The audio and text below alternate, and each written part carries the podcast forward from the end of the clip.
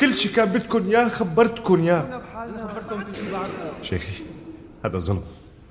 أنا خبرتكم كل شيء عندي.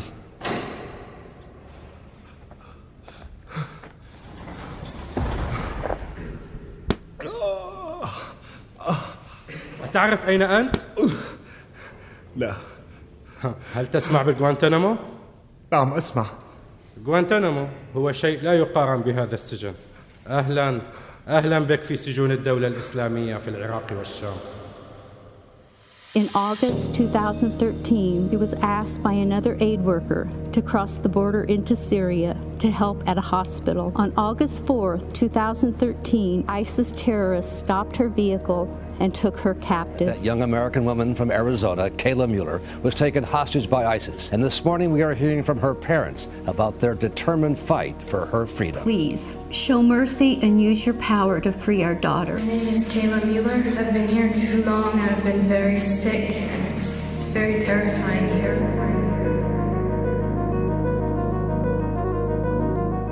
مؤكدا مقتل البغدادي في عملية عسكرية أمريكية سرية دولة أبو بكر البغدادي قتل في عملية عسكرية Information about the raid that took down ISIS leader Abu Bakr al-Baghdadi. His death resonating The bloodthirsty killer known as al-Baghdadi is dead.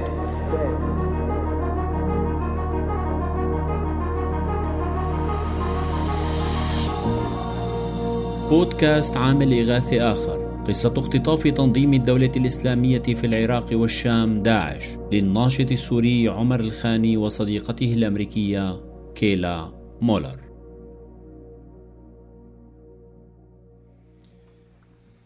إذا سيد الخاني هل لك أن تخبرنا بوضوح ودقة لماذا أخذتها معك إلى سوريا؟ القصة بدأت قبل ذلك اليوم بدأت مذ عرفت كايلا سوريا عن قرب. عرفتها بعيوني ورسائلي لها. عرفتها بحروف كنت كل يوم أحمل قلبها تفاصيل ما يجري معنا. يوميات ما قبل الثورة ومن ثم التظاهر إطلاق النار علينا الجرحى البث المباشر للمظاهرات الطيارة. وقبل كل شيء كيف أفكر فيها وأشتاق للحديث معها. تلك الكلمات جعلتها دوما تريد زيارة سوريا. ألم أخبركم بذلك من قبل؟ فكرت كايلا بالسفر إلى دمشق قبل انتصاف شهر آذار عام 2011 نعم أرادت العودة للقاء بهذه السرعة. وفي سوريا.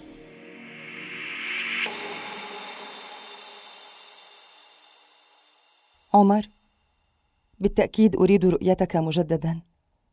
أتعرف أنني أفكر جديا بزيارة سوريا؟ فأنت مضيف كريم وأنا متأكدة من ترحيبك. أتذكر يوم فوتت طائرتي في القاهرة وفرحت ببقائي لمدة أطول؟ أكنت جادا يومها؟ أريد إخبارك بسر صغير. فرغم الشهور الخمسة التي مضت منذ غادرت القاهرة وأنا لا أعرف لماذا بكيت يومها. اليقين الوحيد حينها كان شعوري بأنني سأشتاق لك وأن رحلتنا قد شارفت على نهايتها. كنت محطمة نفسيا بسبب حادثة صديقتي في فلسطين. ربما لأجل هذه التفاصيل بدأت ببساطة بالبكاء. وسائق التاكسي المسكين لم يستطع قول أي كلمة. ظل ينظر إلي من خلال المرآة ويحاول الاطمئنان طوال الطريق إلى المطار. كانت مصر هي تماما ما احتجته بعد تجربة فلسطين وأنت جعلت تلك الإقامة مثالية جدا. والسر الآخر هو أن جزءا مني لم يرد المغادرة. لم أرغب بترك بيتك. عذرا سيد الخاني. أقصد بسؤالي هنا ما حدث يوم الجمعة الثاني من شهر آب عام 2013 السيدة المدعية العامة اسمحي لي فالقصص مترابطة كالحياة لكن بالنسبة لعودة كايلا الأخيرة إلى سوريا فقد بدأت تفاصيلها تتكون منذ يوم الثلاثاء الثلاثين من تموز يومها كنت في سوريا وقررت الذهاب لتصوير المعارك على الجبهة لكنها كانت تكتسي بصمت يصم الآذان. طلبت إعادتي إلى الحدود السورية التركية فلبوا الطلب دون تأخير. خرجت من المغارة التي كانت مقرا لعناصر جبهة النصرة محملا بالرهبة وبقصة أرويها لكايلا هذه الليلة. ما إن عبرت الحدود حتى هاتفتها لنلتقي. لكنها باغتتني بطلب مرافقتها إلى تناول طعام الإفطار الرمضاني لدى أحد السوريين المغتربين والمقيم في مدينة أنطاكيا. أصرت على تلبية الدعوة رغم تذمري. رضخت لكنني طالبتها بإنهاء اللقاء في أسرع وقت. طعام الإفطار الرمضاني يأتي بعد غياب الشمس بحوالي نصف ساعة وفق الشريعة الإسلامية. مضيفنا الكريم أبقانا في منزله حتى ساعات الفجر. حبسنا بأحاديثه الكثيرة والمتصلة والمتداخلة لدرجة تفقد أكثر الناس تنبها تركيزهم. يريد بناء منظمة إغاثة على الحدود السورية التركية وهذا سر اهتمام كايلا بالدعوة. فهي تسعى للعمل الميداني بين الناس في المخيمات مستعيده تجاربها السابقة في الهند وفلسطين ولتنقل إلى العالم حكايات هؤلاء المدنيين عبر مدونتها الإلكترونية. سرقنا دقائق قليلة قبل النوم من شدة التعب. تبادلنا أطراف الحديث في الفندق الذي اعتدنا النزول به في الشارع العام بأنطاكيا. أخبرتها عن طلب أحد مسؤولي اتحاد السوريين في المهجر تركيب جهاز إنترنت فضائي لمشفى تديره منظمة أطباء بلا حدود في المنطقة الصناعية في الشيخ نجار بريف حلب وذلك قبل العيد. هل ممكن أن توضح لنا ما هو العيد؟ العيد هو الأيام الثلاثة الأولى من الشهر التالي لشهر الصيام رمضان. يحتفل فيها المسلمون بجميع أنحاء العالم مباشرة بانتهاء الصوم. شكرا. يمكنك المتابعة. تلبدت ملامحها بالحزن. فنحن قررنا قضاء الأسبوع الأخير من رمضان وأيام العيد الثلاثة في إجازة بريف أنطاكيا. تكدرت من حزنها وقررت في داخلي أن أصر على موقفي بعدم الذهاب إلى سوريا إلا بعد انتهاء العيد. ابتسمت كايلا فجأة بخبث طفولي. باغتتني بطلب مرافقتي في هذه الرحلة بحجة أنها مهمة ليوم واحد فقط. رفضت بشكل قاطع وحاسم.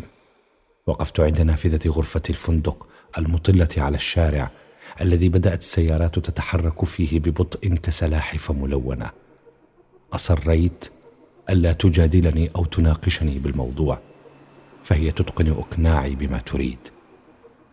لم تستجب. وأخذت تشرح وتفند المواقف والسيناريوهات المتوقعة. ثم ختمت حديثها الذي طال. بأن العدالة تقتضي قبول ما يحمله الغيب لنا مهما كان. قبلت على مضض ثم حاولت ثنيها عن قرارها فنظرت في عيوني بغضب وطلبت بشكل صارم الا نخبر أحدا بهذه الرحلة حتى أهلها.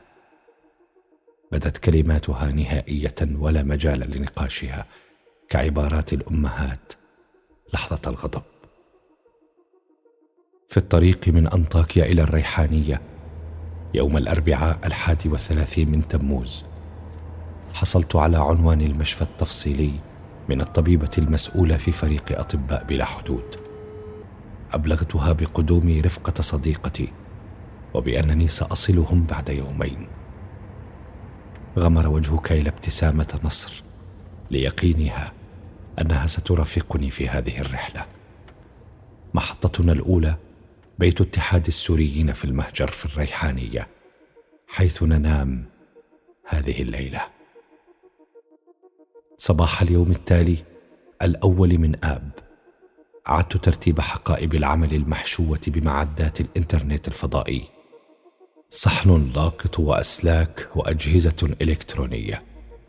أقلتنا سيارة الاتحاد إلى معبر باب السلامة بالقرب من مدينة غازي عنتاب. دخلت سوريا كما العادة بجواز سفري الذي زورت مدة صلاحيته. وكايلا دخلت بجواز سفرها الأمريكي. لم نواجه أي صعوبات في العبور إلى الحرب. مشكلتنا الوحيدة كانت مع المعدات الثقيلة وحقائب الظهر المحملة بالحواسيب ولفائف الأسلاك. للحرب عادة وجوه متعددة.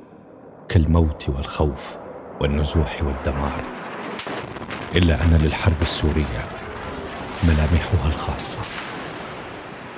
عند بوابات الحدود تشعر أن البلاد مختنقة بأهلها.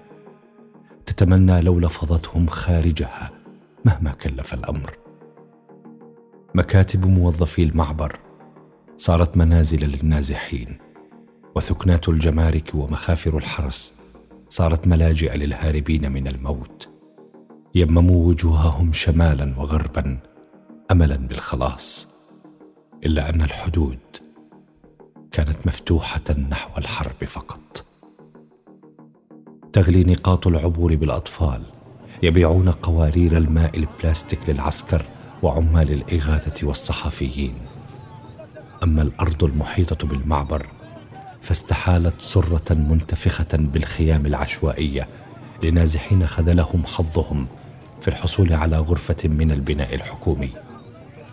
كلهم يقعون تحت عنوان أضرار جانبية لحرب مجنونة أجلست كبارهم على مقاعد البطالة أو في القبور وزجت بصغارهم الناجين من الموت في أتون العمالة والسلاح الذي يعلو قاماتهم. هل سبق لكيلا أن ذهبت إلى سوريا؟ نعم. عندما حضرنا اجتماع الاتحاد السوريين في المهجر في مدينة سرمدة كان ذلك خلال شهر شباط عام 2013 ذهبنا كلنا كمجموعة من الناشطين والصحفيين السوريين والأجانب إلى مدينة سرمدة. قابلنا شخصا سوريا امريكيا. هو ذاته الذي لبينا دعوته إلى طعام الإفطار في مدينة أنطاكيا. قبل رحلتنا الأخيرة إلى سوريا. عقب ذلك اللقاء في سرمدة وبعد نهاية الاجتماع توجهت أنا إلى مدينة اسطنبول لارتباطي ببعض المواعيد. كايلا بقيت في مدينة الريحانيه وعرفت أنها ذهبت مع ذات المجموعة إلى مخيم للنازحين داخل الأراضي السورية. في ذلك الوقت كان الدخول والخروج من سوريا متاحا للناشطين والصحفيين وأكثر يسرا وسهولة. شكرا لك. لكن هل طلبت منك كيلا أن تأخذها إلى سوريا في وقت لاحق؟ أقصد قبل المرة الأخيرة. نعم. في كل مرة كنت أسافر فيها إلى سوريا. لم تنقطع زياراتي لسوريا. كنت أعبر الحدود إلى الداخل تقريبا كل أسبوعين للتصوير أو لتركيب معدات الإنترنت أو لمرافقة صحفيين أجانب. كانت كايلا تطلب مني اصطحابها في كل مرة. وبالطبع كنت أرفض ذلك. لماذا كنت ترفض؟ خوفا عليها. فالمكان ليس مناسبا لفتاة مثلها. القصف يومي والحرب مستعرة ولا مكان هناك للأخطاء. لم يكن الاختطاف معروفا في تلك الأيام ولكن الخطر شديد والقصف شديد. والأماكن المتاحة للتنقل بين المدن قليلة. لأجل كل ما سبق ولخوفي عليها كنت أرفض طلبها دوما. اذا لماذا قبلت هذه المرة؟ لماذا وافقت على أخذها معك؟ هذه المرة كانت كايلا في عطلة ولا تريد البقاء في المنزل. أخبرتكم أنها كانت الأيام الأخيرة من رمضان وهو عادة وقت سفر وعطلات خاصة أن العيد بعد أيام. بالإضافة إلى ذلك كانت زيارة سريعة لا داعي للمبيت هناك أي في سوريا. كنا سنذهب ونعود بذات اليوم. لأجل ذلك وافقت على اصطحابها هذه المرة. لماذا أرادت الذهاب معك؟ أقصد هل هناك أسباب غير تلك التي ذكرتها؟ بالطبع هناك أسبابها الإنسانية كي لا تعشق العمل مع الناس الذين تكتب عنهم. تردد دوما بأن هؤلاء الناس بحاجة لمساعدتي. تفكر دوما بأن ما تكتبه عنهم وعن أوضاعهم عبر مواقع التواصل الاجتماعي أو في المجلات أو في الجرائد المحلية في الولايات المتحدة أو حتى عبر مدونتها سيكون له أثر. ربما يثق الناس بها خاصة في أمريكا ومن الممكن أن يتبرع بعضهم ببعض المال أو التجهيزات الطبية. كايلا كانت مؤمنة بأن هذه التبرعات قد لا تحل المشكلة كليا لكنها من الممكن أن تنقذ حياة شخص أو عائلة من تلك العائلات التي تدرجهم في سجلات عملها الإنساني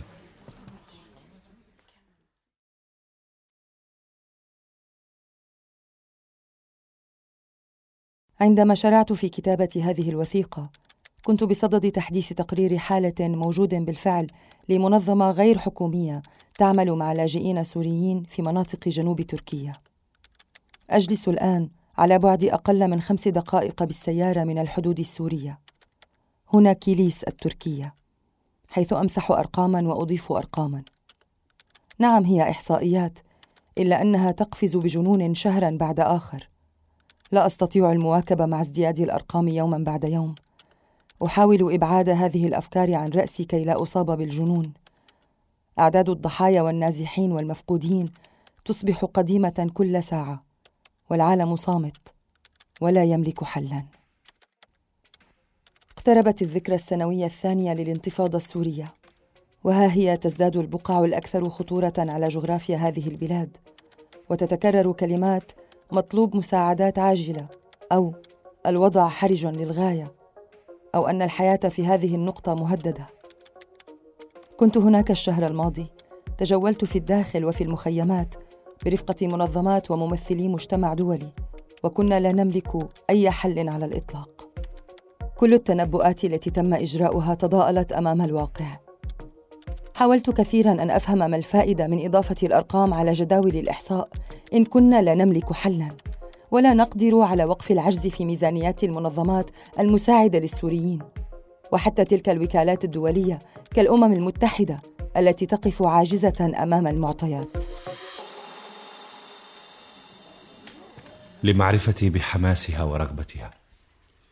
لم أستطع منعها من مرافقتي هذه المرة. والواقع أنني لم أملك أي حجة قوية لمواجهتها. أصرت على أنها مجرد زيارة قصيرة.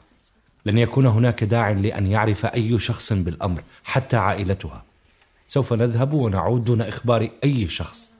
وختمت كلامها بعبارة قاطعة. ما يصيبك يصيبني.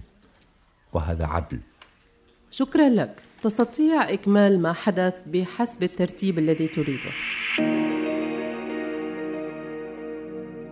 عند بوابة الحرب على الحدود السورية انتابني لوهلة فزع. أصاب جسدي برعشة هزتني من أصابعي حتى قلبي. أمسكت بيد كايلا ومشينا بدونا كسائحين في أرض معركة. الأبرياء فيها ألغام اثقلها الانتظار. رغم الاحتياطات التي اتخذتها كايلا في اللباس حيث ارتدت بنطالا فضفاضا وقميصا طويلا ووشاحا أخبرتها الا تتكلم معي ونحن في سيارة الأجرة. تأكدت من حملها للورقة التي كتبتها باللغة العربية وذكرت فيها اسمها وأنها لا تعرف إلا الإنجليزية.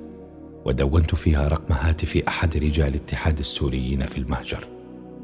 قبل وصولنا سيارة الأجرة أكدت عليها التعليمات. فردت بعربيتها المتواضعة. إن شاء الله حبيبي. توقفت سيارة الأجرة التي تقلنا إلى المشفى مرة واحدة. نزل سائقها ليبدل لنا بعض النقود التركية بأخرى سورية. ثم انطلق بنا عابرا بعض القرى الريفية البعيدة على الطريق العام الغارق بالحواجز العسكرية المختلفة الانتماءات التزمت الصمت. استراتيجيتي لمواجهة فضول سائقي سيارة الأجرة. أعتبرهم كائنات خطيرة. هدفها الحصول على غايتها مهما كلف الأمر.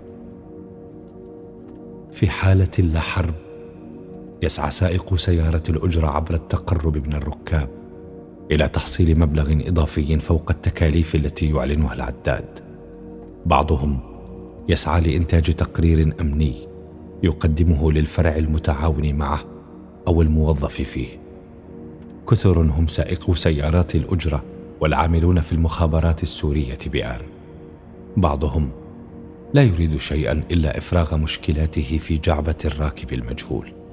وكأنه يعالج نفسه بالتداعي الحر ينضح مصائب الغلاء وعلاقته الزوجية المترهلة وخوفه على أولاده المراهقين من أجهزة الهواتف النقالة الحديثة. منهم شبان صغار يصنعون من سياراتهم منازل متنقلة يرفضون امثالي من الزبائن فهم مخصصون للفتيات الفاتنات فقط. سائقنا الخمسيني محترف في شق الحديث ومتأقلم على معطيات المهنة الجديدة في زمن الحرب. تغلب بمكره على صمته. مثل ما تعرف يا أستاذ يعني يعني مطار منق محاصر من أكثر من سنة يعني. الأخوة بجيش المهاجرين والأنصار تبع الدولة الإسلامية مرابطين من جهة لواء الفتح من الجهة المقابلة. يعني هلأ في كتائب أصغر. كمان مشاركة بالعملية. كل ما قلنا قرب يتحرر المطار نظام الأسد وبقدرة قادر بدخل إمدادات وتعزيزات لعساكره وضباطه المحاصرين بالمطار. حتى حتى صار يرمي عليهم الأكل بالطيارات من السماء. مرة مرة الشباب بالجيش الحر لقطوا وحدة من هاي المظلات اللي رماها النظام الجو. الله يسود وجهه الله يسود وجهه. طلع عم يحط فيها بطاطا وخبز وشفرات حلاقة ما في شيء محرز. لك بس بدي أفهم إنه شو مخليهم هالعساكر وهالضباط قاعدين لهلق جوات المطار وصابرين؟ وعن مين عم يدافعون؟ عن مين عم يدافعوا؟ طيب مو ممكن يكونوا خايفين ولا لا؟ اليوم الصبح في واحد من الأخوة السعوديين فجر حاله على بوابة المطار. آه، قصدك سوري كان عايش بالسعودية؟ لا أخوي لا لا. سعودي من كتيبة الأنصار والمهاجرين تبع أبو عمر الشيشاني. مانك سمعان فيها؟ إي والله يا أخوي الضرب ما عم يهدى من كل الجهات. حلب على على صفيح ساخن مثل ما بيقولوا بالتلفزيونات. مطار منغ من جهة وسجن سليمانية من جهة ثانية. والقصف شغال على المدينة من كل صوب أرض وبحر وجو.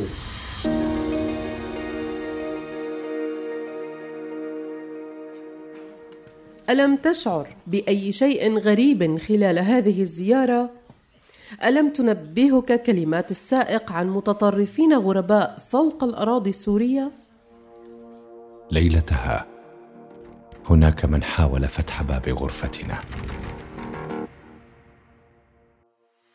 In August 2013, he was asked by another aid worker to cross the border into Syria to help at a hospital. On August 4, 2013, ISIS terrorists stopped her vehicle and took her captive. That young American woman from Arizona, Kayla Mueller, was taken hostage by ISIS. And this morning we are hearing from her parents about their determined fight for her freedom. Please show mercy and use your power to free our daughter. My name is Kayla Mueller. I've been here too long. I've been very sick, and it's, it's very terrifying here. أصبح مؤكدا مقتل البغدادي في عملية عسكرية أمريكية سرية دولة أبو بكر البغدادي قتل في عملية عسكرية سرية. about the raid that took down ISIS leader Abu Bakr al-Baghdadi. His death resonating The bloodthirsty killer known as al-Baghdadi is dead.